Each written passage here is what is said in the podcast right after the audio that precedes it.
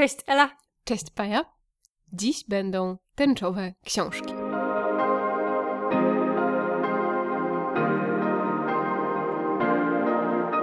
Cześć w kolejnym odcinku naszego podcastu. Bardzo się cieszę, że jesteście tutaj dzisiaj z nami. Dziś mamy dla Was tęczowe książki i mamy dla Was drugi, kolejny już kącik z audioteką, bo partnerem odcinka podcastu jest Audioteka, czyli dobrze opowiedziane historie, gdzie znajdziecie największy wybór audiobooków po polsku. Myślę, że słowo klucz tutaj e, na początek, e, jakieś takie wprowadzenie e, całego tematu to właśnie wybór, bo ostatnio, gdy prezentowałyśmy Wam kącik z audioteką, mówiłyśmy o tym, że mamy na naszych półkach bardzo dużo książek non-fiction, fiction e, i ostatnią właśnie książkę non-fiction kąciku z Eudoteką Wam prezentowałyśmy. No ale tutaj niespodzianka, bo dzisiaj mamy dla Was e, powieści. Wybrałyśmy powieści. To nie było łatwe. To nie było łatwe, to nie było łatwe, ale gdy już e, znalazł się ten klucz, stwierdziłyśmy, że to jest e, bardzo dobry klucz, żeby zaprezentować Wam e, coś ciekawego z bogatej oferty audioteki. No i wybrałyśmy książki z tęczowej serii wydawnictwa Dziwny Pomysł, założonego przez Joannę Barbarę Bernat. Bardzo się cieszę, że będziemy mogły zaprezentować Wam te powieści. Może tutaj krótko opowiem, opowiemy Wam obie o tym wydawnictwie. Mm, przejrzałam sobie stronę E, wydawnictwa i chciałabym Wam przeczytać, e, co tam znalazłam. Mm, Joanna Barbara Bernat pisze, że jej celem jest udostępnienie polskiemu czytelnikowi książek, które z różnych względów e, nie zwróciłyby uwagi dużych wydawców. I te książki, które dla Was wybrałyśmy, te audiobooki, które przesłuchałyśmy, należą do tęczowej serii.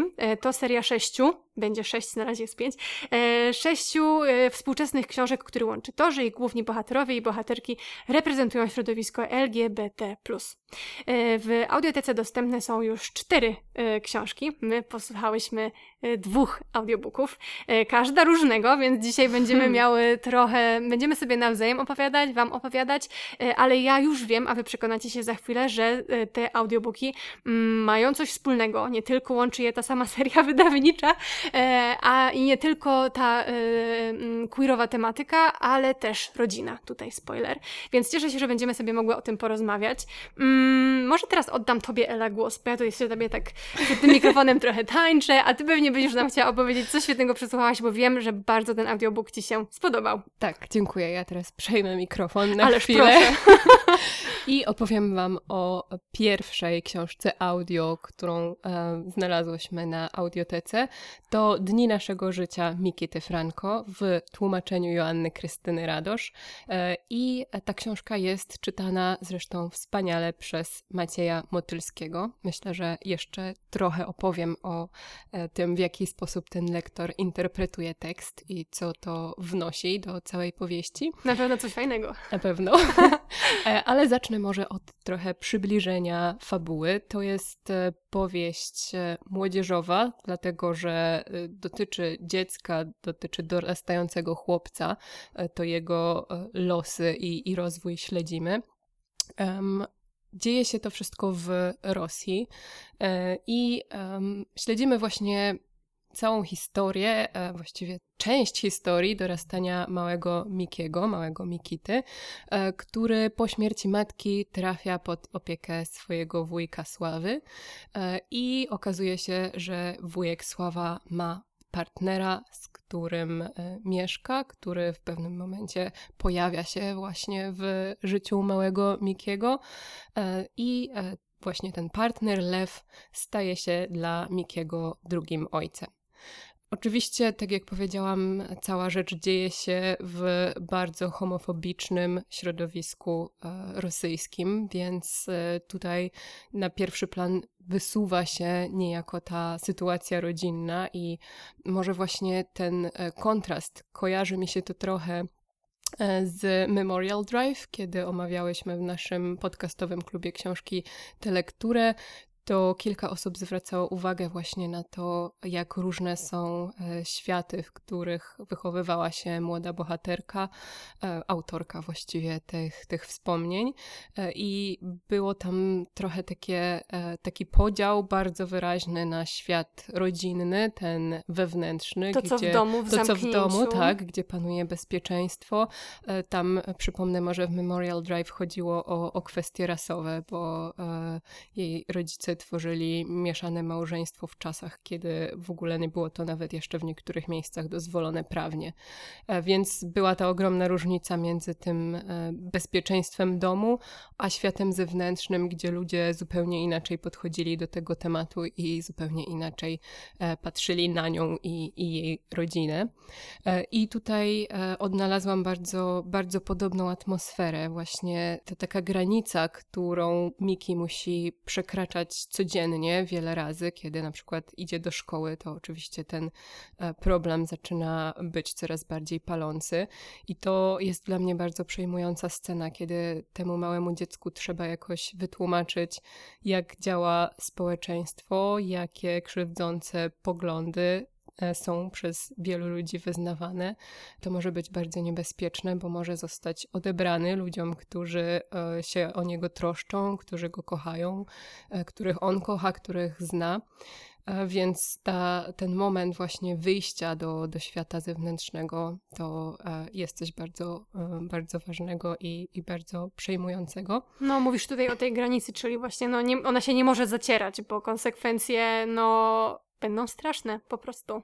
Dokładnie, więc e, mamy to e, dziecko, tego chłopca, który dorasta ciągle przekraczając te granice, tak jak mówisz, która musi być sztywna, e, musi tam pozostawać, która oddziela go w dużej mierze od e, rówieśników, e, nie pozwala na nawiązywanie jakichś takich bliższych czy swobodniejszych więzi. Które nie, no, jednak jest ten element zatajenia, tak, taki tak, tak. No, przymusowy, który mhm. pewnie chciałoby się o tym komuś opowiedzieć, komuś się zwierzyć i nawiązać taką więź opartą właśnie na otwartości, a to na pewno jest bardzo trudne, zwłaszcza, że że tak jak mówisz, to jest tego dorastającego e, chłopca, młodego chłopaka, no to wyobrażam sobie, jakie napięcia w tej powieści są zaprezentowane. Tak, tak, więc z jednej strony mamy te napięcia, o których e, sobie tu rozmawiamy, ale z drugiej strony chciałam powiedzieć, że to jest tylko jeden z elementów e, tej powieści i moim zdaniem autorowi świetnie udało się tutaj pokazać, że razem z tymi poważnymi problemami, z tymi e, kwestiami, które gdzieś kładą się cieniem na, na całym życiu, współistnieją bardzo zwyczajne sytuacje, bardzo zwyczajne emocje towarzyszące właśnie dzieciństwu, dorastaniu, e, Dużo jest tutaj też elementów e, komicznych w tej książce, dużo elementów e, związanych e, z takimi typowymi problemami, zmaganiami związanymi z, z dorastaniem, czyli właśnie próba odnalezienia sobie jakiegoś miejsca w szkole, wśród rówieśników, próba odnalezienia jakiegoś swojego talentu i swoich pasji,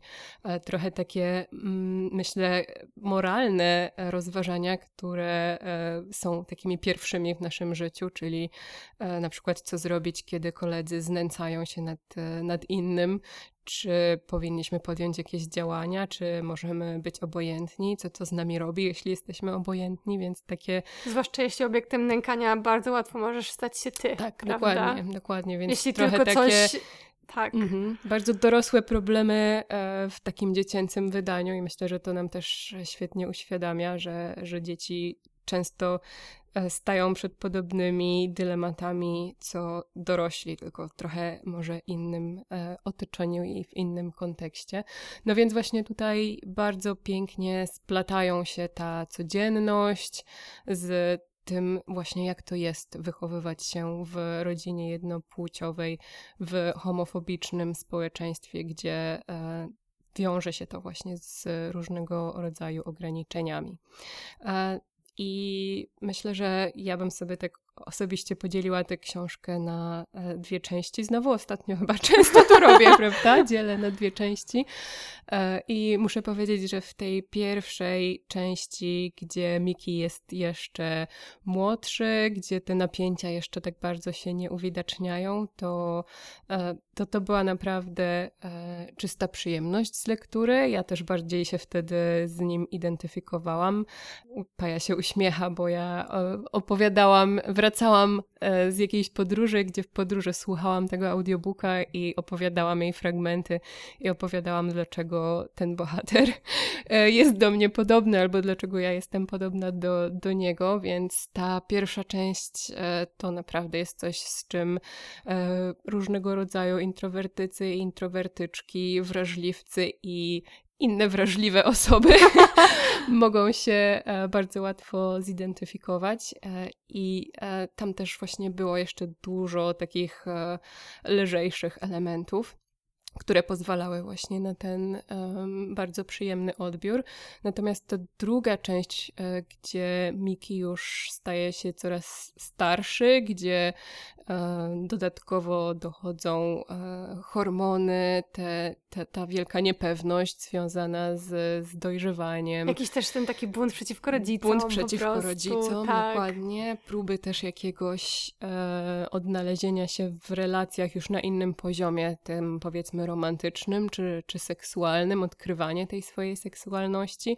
No więc wtedy e, w tej książce pojawia się bardzo dużo gniewu i bardzo dużo agresji, bardzo dużo takich właśnie psychologicznych problemów, które e, nawarstwiały się no, od samego początku, tak jak mówiłam, gdzieś ten cień ciągle kładł się na, na życiu tego młodego człowieka. No i właśnie w tej drugiej części e, ona staje się dużo mroczniejsza, dużo cięższa, dużo trudniejsza w odbiorze przez to, ale myślę, że e, z niej z kolei e, coś innego zupełnie możemy wyciągnąć, inne przesłanie, właśnie te, te, te wewnętrzne reakcje. W pierwszej bardziej mamy do czynienia z tym, z tą, tym zewnętrznym światem, z tymi zewnętrznymi ograniczeniami, z tym jak inni reagują, jak inni postrzegają, że to przed tymi innymi trzeba dochowywać sekretu. Natomiast w tej drugiej części e, myślę, że jest taki duży nacisk położony na wnętrze i na te e, bardzo trudne, e, trochę niezrozumiałe emocje, które w nikim zaczynają wzbierać, więc ta, ta druga część, tak jak mówię, jest dużo mroczniejsza i, i trudniejsza, ale całościowo to daje naprawdę ciekawy i taki dający do myślenia obraz, który, który pokazuje, jak, jak ogromną władzę ma tak naprawdę społeczeństwo i jak wielki wpływ mają te normy społeczne e, na życie poszczególnych osób, na życie rodzinne. No a lektor? Miałaś nam coś opowiedzieć jeszcze o lektorze. tak, oczywiście. lektor zrobił naprawdę niesamowitą robotę, e, bo tak jak mówię, no, zmienia się zupełnie nastrój i Miki dorasta na przestrzeni e, tych stron czy tych godzin, których, e, których słuchamy. I bardzo mi się podobało to, jak um, lektor, zwłaszcza w, w dialogach czy w opisach jakichś e, takich przeżyć wewnętrznych, takich e, trochę monologach wewnętrznych, jak zmieniał się jego e, głos, jego sposób modulacji e, tego głosu, jakie emocje towarzyszyły tym wypowiedziom. Więc e, początkowo bardzo dobrze naśladował e, czteroletnie czy pięcioletnie dziecko. to w jaki sposób ono mówi, w jaki sposób się buntuje, w jaki sposób próbuje pogrywać sobie czasami z dorosłymi. Zaznaczyć jakoś swoją obecność, jakoś swoją zdanie, obecność, zdanie, tak. tak, więc e, bardzo, bardzo dobrze mu się to udawało i później, tak jak mówiłam, tak jak zmieniała się e, fabuła, tak zmieniał się też e, sposób czytania książki i to, jak wypowiadał się Miki do innych osób, więc dochodził ten gniew, dochodziła ta frustracja, e, czasem właśnie te bardzo brutalne odpowiedzi, i to też było słychać e, w głosie i w sposobie opowiadania tej historii, więc no, myślę, że to jest naprawdę dodatkowa wartość, e, słuchanie tego i też słyszenie tego rozwoju, nie tylko, nie tylko czytanie o nim. Aha, i jeszcze ostatnia rzecz, chyba, chyba, że jeszcze coś mi się przypomni, e, ale chciałam tutaj zaznaczyć dodatkowy plusik za to, że tytuł e, w ogóle pochodzi z piosenki Queen, ponieważ Miki, tak jak ja, uwielbia Queen, e, więc Queen i Freddie Mercury są takimi trochę pobocznymi, epizodycznymi, może nazwijmy to, bohaterami tej książki i To jest tylko jedno e, z tych licznych podobieństw, o których, e, o których wspominałam wcześniej. Super, Bo ja super. się ze mnie śmieję. No jak to nie, teraz ja już też jestem wielką fanką Queen, jak tutaj są takie zwierzenia i wyzdania, to ja kiedyś nie byłam fanką, ale teraz już jestem fanką. Oczywiście nie taką jak Ela, bo Ela, wiadomo, lubiłaś to zanim to było popularne u mnie, więc jakby, e, no więc fajnie, cieszę się, że o tym też wspominasz. No, moja książka po pierwsze jest krótsza, po drugie, dotyczy już e, nastoletniego bohatera, e, ale po trzecie, myślę, że znajdziemy sobie jakieś punkty wspólne. Książka, którą, e, audiobook, którego ja wysłuchałam, to Polecie Wszystko będzie inaczej, autorstwa Siri Kolu mm, w tłumaczeniu Adama Sandacha. Książkę tę w audiotece czyta Mateusz Jędraś. No i Mateusz Jędraś musiał sobie tutaj poradzić z głosem zbuntowanego, czasem bardzo Mm, dużo złości jest w tej książce, więc mhm. Y, takiego wyrażającego rozgoryczenie y, i gniew y, nastolatka. Głównym bohaterem jest Petu. Petu ma 17 lat, niebawem za chwilę będzie kończył 18. Zbliża się też kolejny etap jego tranzycji, czeka na operację klatki piersiowej. I to jest książka bardzo no, rodzinna, powiedziałabym, bo w, głównym miejscem akcji jest Szybowiec. Ojciec Petu E, spędza całe, wszystkie wolne chwile w aeroklubie i zaproponował e, swojemu synowi, że będzie go zabierał ze sobą na e, loty. I ta książka podzielona jest na 10 rozdziałów, każdy jeden rozdział to jeden lot. No więc e, te spotkania z ojcem w tym szybowcu. Szybowiec ma bardzo ograniczoną przestrzeń, więc Właśnie jest tak chciałam. dosyć. Tak, prawda? Jest dosyć ciasno i klaustrofobicznie. E, I z jednej strony, no, e, no nie ma ucieczki z takiego szybowca. Unosimy się wysoko nad ziemią, więc no trzeba jakoś stanąć twarzą w twarz z tymi problemami, z tymi nieomówionymi tematami, a tych jest sporo. Bo no, poznajemy rodzinę Petu w momencie, kiedy on ma już bardzo zdecydowane poglądy, w jakim jest, w jakim chce być, e, poznał miłość swojego życia, więc on to już wszystko ma e, przemyślane i mówi o tym bardzo otwarcie.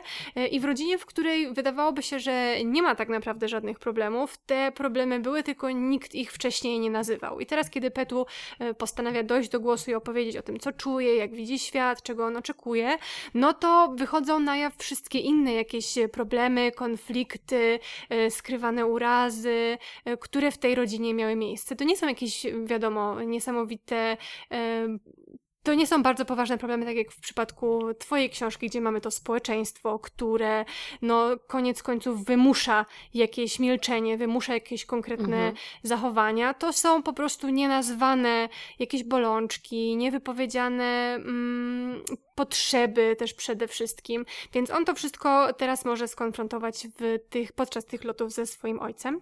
Y, I to jest wspaniały element tej książki, właśnie ta bardzo pozytywna relacja między Petu i jego ojcem, który jest bardzo wspierający i ma bardzo taką dużą cierpliwość dla tych wszystkich emocji, które z tego młodego chłopaka się wylewają. On bardzo cierpliwie go słucha, odpowiada na wszystkie bardzo trudne pytania bo no, mm, te, te, coś musi tę rozmowę, e, coś, jakoś trzeba tę rozmowę za, zainicjować. I to są bardzo takie pytania, które dotyczą ważnych spraw, takie jak e, czego oczekiwałeś od życia, czego oczekujesz od życia, jak wyobrażasz sobie przyszłość, jak wyobrażałeś sobie swoją przyszłość. Więc wymieniają się takimi naprawdę głębokimi przemyśleniami na temat tego, e, jak czasami coś nas rozczarowuje, albo oczekujemy czegoś innego, ale nie do końca się staramy i nam nie wychodzi.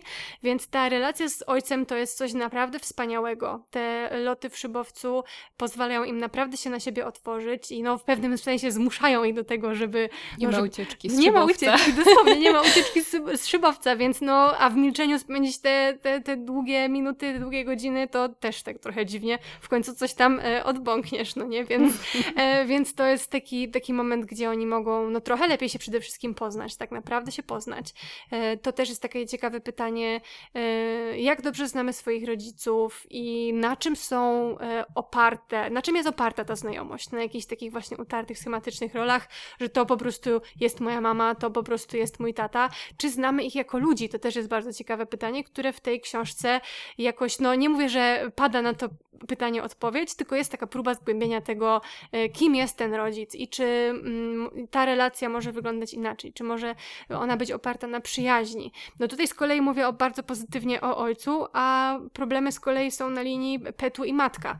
Matka jest bardzo taką osobą, która ma bardzo konkretne poglądy i bardzo trudno przychodzi jej pogodzić się ze zmianą w życiu i te trudności przelewa właśnie na swojego młodszego syna. Jest też starszy brat, E, z którym ta relacja też no, ma swoje wzloty i upadki. Są tutaj jakieś takie też relacje tego, jak rodzice patrzą na dzieci i jak to wpływa na relacje tych dzieci między sobą, które dziecko jest tym ulubionym, e, czy, czy w ogóle jest jakiś ulubieniec w tej rodzinie i jak to się potem przekłada na to, jak ci bracia ze sobą e, rozmawiają, jak się do siebie odnoszą, co sobie mówią, czego nie. Więc to jest naprawdę krótka, ale bardzo ciekawie zarysowana mm, taka, taki kalejdoskop w sumie e, psychologiczny e, hmm. tych czterech postaci, bo tutaj mimo, że siedzimy sobie w tym szybowcu razem z głównym bohaterem, to jednak też odkrywamy to, co się działo w przeszłości, jakieś takie retrospekcje. Bardzo dobrze mi się tego słuchało.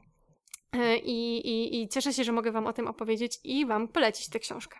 Myślę też sobie trochę o właśnie relacjach rodzinnych, tak jak już o tym wspomniałaś, bo ja tak się skupiłam trochę na tym wielkim obrazie, który e, w mojej, z mojej książki wynika, ale też e, relacje Mikiego z ojcami, to jest coś też bardzo ciekawego.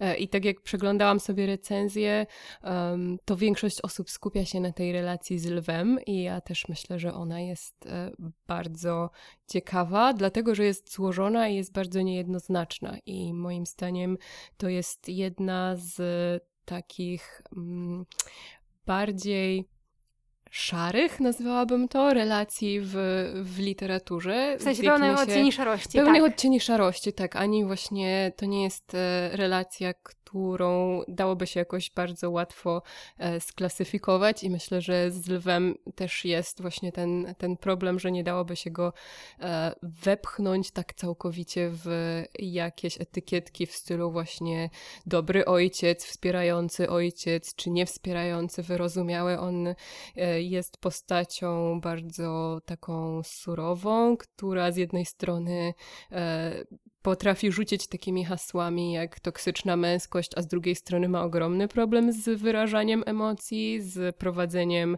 e, rozmów, ze zwierzaniem się, z okazywaniem czułości, e, z przepraszaniem za, za złe rzeczy, których e, się dopuszcza.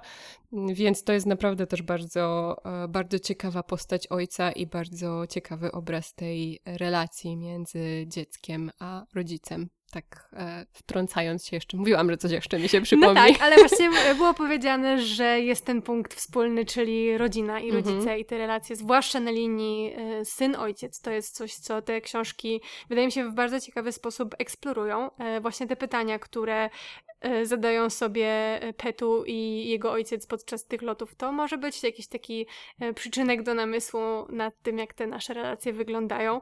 No u mnie to jest w tym audiobooku, którego ja słuchałam w tej książce, no to jest narracja pierwszoosobowa, więc mamy tutaj bardzo taki konkretny, mm, no wiadomo, naprowadza nas to trochę na to, jak interpretujemy sobie poszczególne postaci, które się pojawiają, ale i tak bardzo mi się to podobało. Ta, myślę, że przede wszystkim ta emocjonalność ta złość, która się tutaj pojawia i to takie poczucie ta taka potrzeba, właściwie nie poczucie, tylko potrzeba postawienia się e, w centrum i powiedzenia czegoś o sobie, to jest coś, co mm, no, przyciągało mnie emocjonalnie też po prostu z tej książki i co zostało bardzo fajnie zinterpretowane przez Mateusza Jędrasia, więc e, polecam bardzo tego audiobooka e, i tę książkę. Myślę, że możemy się wymienić. Ja przesłucham twoją, a ty przesłuchasz moją. Dobrze, możemy tak Potem zrobić. Potem podyskutujemy jeszcze trochę. No i na koniec naszego kącika z Audioteką chciałbyśmy bardzo serdecznie podziękować naszemu partnerowi, czyli właśnie Audiotece za zaoferowanie kodów dostępowych do Audioteka Klub dla naszych matronek i dla naszych patronów. Książki, o których dzisiaj Wam opowiedziałyśmy, czyli Polecie Wszystko Będzie Inaczej i dni naszego życia. Są dostępne właśnie w Audioteka Klub i tam nasze matronki, nasi patroni będą mogli ich posłuchać, więc e, bardzo serdecznie dziękujemy. E, zapraszamy Was już na kolejny kącik z Audioteką, który w lutym. No, ale myślę, że i tak będziemy sobie trochę wracać do tego, co przed chwilą powiedziałyśmy na temat tych dwóch audiobooków, bo mamy dla Was lekturę uzupełniającą, o której pewnie i tak się rozgadamy. E, ale pomyślałyśmy sobie, że fajnie by było e, jakoś osadzić te dwie książki w kontekście. To są mm, historie opowiedziane, no takie bardzo osobiste, jednostkowe. Oczywiście w przypadku Twojego audiobooka dużo mówiłaś też o tym, jak to społeczeństwo, jak sytuacja polityczna, jak to wpływa na te jednostki. E, no ale jednak chciałbyśmy zarysować jakiś taki szerszy kontekst i dlatego chciałbyśmy Wam zaprezentować książkę pod tytułem Różowa Linia. Jak miłość i płeć dzielą świat Marka Gewisera w tłumaczeniu Adriana Stachowskiego. To jest książka, którą obie miałyśmy w naszej topce książek non-fiction, czyli naszym zdaniem jest naprawdę dobra. I jest naprawdę dobra, prawda?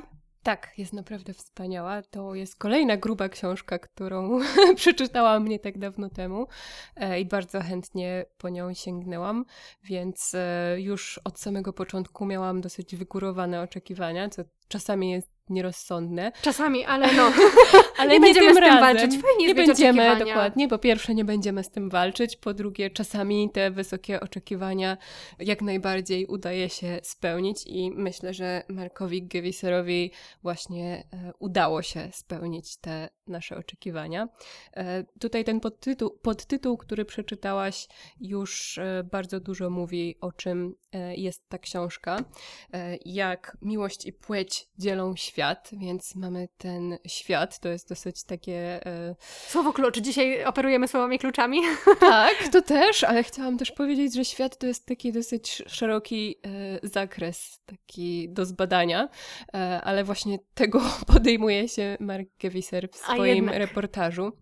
Jednak oczywiście no, nie sposób napisać książki, która e, opisywałaby każde jedno miejsce na świecie, ale on naprawdę bardzo e, szeroko wyznacza sobie tą, e, ten swój e, zakres badań, zakres podróży i e, naprawdę uważam, że niesamowitą wiedzę tutaj przekazuje, niesamowitą ilość wiedzy i, i za tą wiedzą, za tymi kilkoma zdaniami, w których on jest w stanie przedstawić sytuację polityczną, historyczną, kontekst kulturowy, kryją się naprawdę E, niezliczone na pewno e, godziny badań i strony dokumentów i innych materiałów i rozmów, tak. i rozmów oczywiście, które, które prowadził podczas swoich podróży. E, to jest książka, która powstawała bardzo długo właśnie ze względu na te dogłębne poszukiwania i bardzo staranne badania, które autor przeprowadził, żeby, żeby ją napisać, więc to naprawdę widać, gdy czytamy ten, ten reportaż to można wyczuć, jak pewnie on czuje się, opisując e, różne sytuacje, opisując zmieniający się, zmieniający się klimat polityczny w, w różnych krajach, zmieniające się też przepisy prawne, więc e, to, jak ta sytuacja stale ewoluuje w, w różne strony, bo y, mamy tutaj i o jakichś postępach, a czasami o jakichś krokach wstecz, które, które się dokonują. Więc to jest taka pierwsza ogromna, e, nieprzeceniona zaleta tej książki, czyli cała ta wiedza i e, właśnie ten ogrom też rozmów z ludźmi, e, z różnymi ludźmi z różnych stron, które stoją gdzieś nawet nie na tych stronach, ale też za nimi się kryją. Tak. No ty mówisz o pierwszej e, ogromnej zalecie i ja myślę, że tutaj wtrącę się i powiem o jakiejś drugiej ogromnej zalecie. Uważam, że tą ogromną zaletą jest konstrukcja tej książki, mhm. bo tutaj powiedziałaś już właśnie o y, dokumentach, wiedzy, ale też o rozmowach y, i ta książka jest właśnie w ten sposób skonstruowana, że mamy rozdziały jak, w jakiś sposób syntezujące, podsumowujące, opisujące y, daną sytuację, dane zagadnienie w danym kraju, po przytykaniu spotykane z spotkaniami, z, z rozmowami, ze świadectwami osób, które on z tych e, krajów przepytuje, spotyka i poznaje. Więc uważam, że to jest naprawdę świetny zabieg, który pozwala najpierw jakoś zarysować szerszy kontekst na potrzeby omawianego zagadnienia, czy to sytuacja osób transpłciowych w Indiach, czy osoby niebinarne w Stanach Zjednoczonych, czy osoby homoseksualne w Egipcie, więc on nam to wszystko e, bardzo umiejętnie zarysowuje, a potem przechodzi do konkretnych, indywidualnych historii, w których dużo jest miejsca na te odcienie szarości, znowu kolejny mm -hmm kolejne słowo klucz, które nam się dzisiaj pojawia. E, dużo jest, e, no oczywiście to są wszystko e, osoby, które mają własną sytuację, które mają własne przekonania i one popełniają dużo błędów, one nie wpisują się w, w takie schematy, w których czy to społeczeństwo, czy to przepisy prawne chciałoby je widzieć, One więc... nie wpisują się też w taką idealną narrację, prawda? Tak gdyby środowisko na przykład e, queerowe chciało zaprojektować jakąś idealną narrację, to tutaj chyba się ich za bardzo nie uświadczy, tak. tych e, takich losów, które mogłyby być jakimiś modelowymi, czy takimi sztandar, sztandarowymi historiami. Tak. Tutaj raczej są te odcienie szarości, dokładnie, o których mówisz. Dokładnie, więc no mamy te spotkania, które no są e, ogromnym takim e, oknem na świat różnych społeczności queerowych, właśnie na całym świecie. Znowu ten świat tutaj biorę w cudzysłów, bo wybiera sobie bardzo konkretne obszary, ale takie, które pozwalają się przyjrzeć bardzo różnym warstwom i bardzo różnym aspektom, które dzielą świat tych osób na dwie części, na ich prywatność i na to, co się dzieje w szerszym politycznym kontekście. Mamy więc politykę, mamy więc przepisy prawa, często też w kontekście kolonialnym, spuścizna prawodawstwo, które pozostało po kolonizatorach. Mamy oczywiście religię, mamy jakieś e, konwenansy kulturowe, więc no, tych elementów, które nakładają się na te historie jest bardzo wiele, ale e, Mark Gewisser no, świetnie się porusza między różnymi rejestrami, między różnymi aspektami, które należy wziąć pod uwagę i jakoś przybliżyć e, osobom czytającym. Ja tutaj chciałam jeszcze na marginesie wtrącić, że jednym z tych krajów, e, do których on się wybiera i o których pisze, jest właśnie Rosja, więc to jest trochę taki, takie tło taki kontekst dla powieści, o której dzisiaj Wam opowiadałam, więc e, jak najbardziej polecam połączyć obie te lektury i e, stworzyć sobie trochę takiego dodatkowego e, kontekstu. Ale oprócz tego chciałam jeszcze się odnieść do samej postaci autora. No i świetnie, i w ten sposób wszystkie trzy zalety, o których chciałyśmy Wam opowiedzieć, Ela nam domknie właśnie tą trzecią, czyli postacią autora. Ela, opowiedz. Czyli zgadzasz się ze mną? Tak, tak właśnie tak to widzę widziałam, tak to mhm. widziałam. Że postać autora i to, w jaki sposób on w tej książce się pojawia, w jaki sposób on w tej książce pisze sam o sobie i o, o swoim funkcjonowaniu w tych, w tych historiach, to jest właśnie ta trzecia ogromna zaleta. Um, myślę, że to było najlepsze możliwe rozwiązanie, e, na które autor mógł się zdecydować, czyli właśnie pokazanie siebie e, funkcjonującego w kontekście tych wszystkich historii. Mark Gewisser jest białym mężczyzną z RPA i jest też gejem, więc e, doświadczył pewnego e, rodzaju uprzedzeń, ale pod wieloma innymi względami jest uprzywilejowany i zdaje sobie z tego sprawę. E, I często pisze o tym swoim uprzywilejowaniu w momencie, gdy spotyka się z osobami, które doświadczają dużo większych trudności czy dużo większych uprzedzeń i związanych z tym problemów. E, pisze o tym, e, jak w związku z tym się czuje, trochę o takim e, swoim poczuciu wstydu, trochę o tym, jak próbuje pomagać, co z jednej strony wynika oczywiście z empatii, z dobrych intencji, z jego dobrego serca, z drugiej strony może trochę wpisywać się właśnie w jakiś taki kompleks białego zbawiciela, więc to też bierze pod uwagę, o tym też opowiada. Więc bardzo podoba mi się ta jego otwartość i, i to, że analizuje swoje miejsce w całej tej historii, próbuje jakoś um, znaleźć sens w tych skomplikowanych stosunkach, relacjach z osobami, które e, z jednej strony są um, bohaterami, bohaterkami jego książki, więc coś od nich bierze, jednocześnie daje im płaszczyznę, by się wypowiedzieć, ale trochę wykorzystuje, można powiedzieć, ich historię, no więc tak jak mówię, jest to bardzo, bardzo złożone i miejscami skomplikowane. On próbuje o całej tej e, złożoności opowiedzieć. Znowu mamy trochę odcienie szarości, myślę. Pojawiają się słowo klucz po raz kolejny. No i myślę, że na tych trzech e, plusach pozostaniemy, jeśli chodzi o polecenie książki Różowa Linia. Myślę, że podobnie jak e, autor, e, możemy się czegoś nauczyć z tej lektury, albo przynajmniej czegoś dowiedzieć. Ja jednak jestem taką optymistką i wierzę, że e, książki nas uczą, że nas otwierają, albo przynajmniej pokazują nam jakieś obszary, które sami zaczęliśmy i same zaczęłyśmy jakoś badać, a które mo- można by zgłębić. Więc cieszymy się, że takie fajne tęczowe książki są dostępne i że można je czytać i że my możemy o nich opowiadać. Dziękujemy wydawnictwu poznańskiemu, które przysłało nam egzemplarz różowej linii. No i bardzo dziękujemy partnerowi naszego odcinka, czyli Audiotece.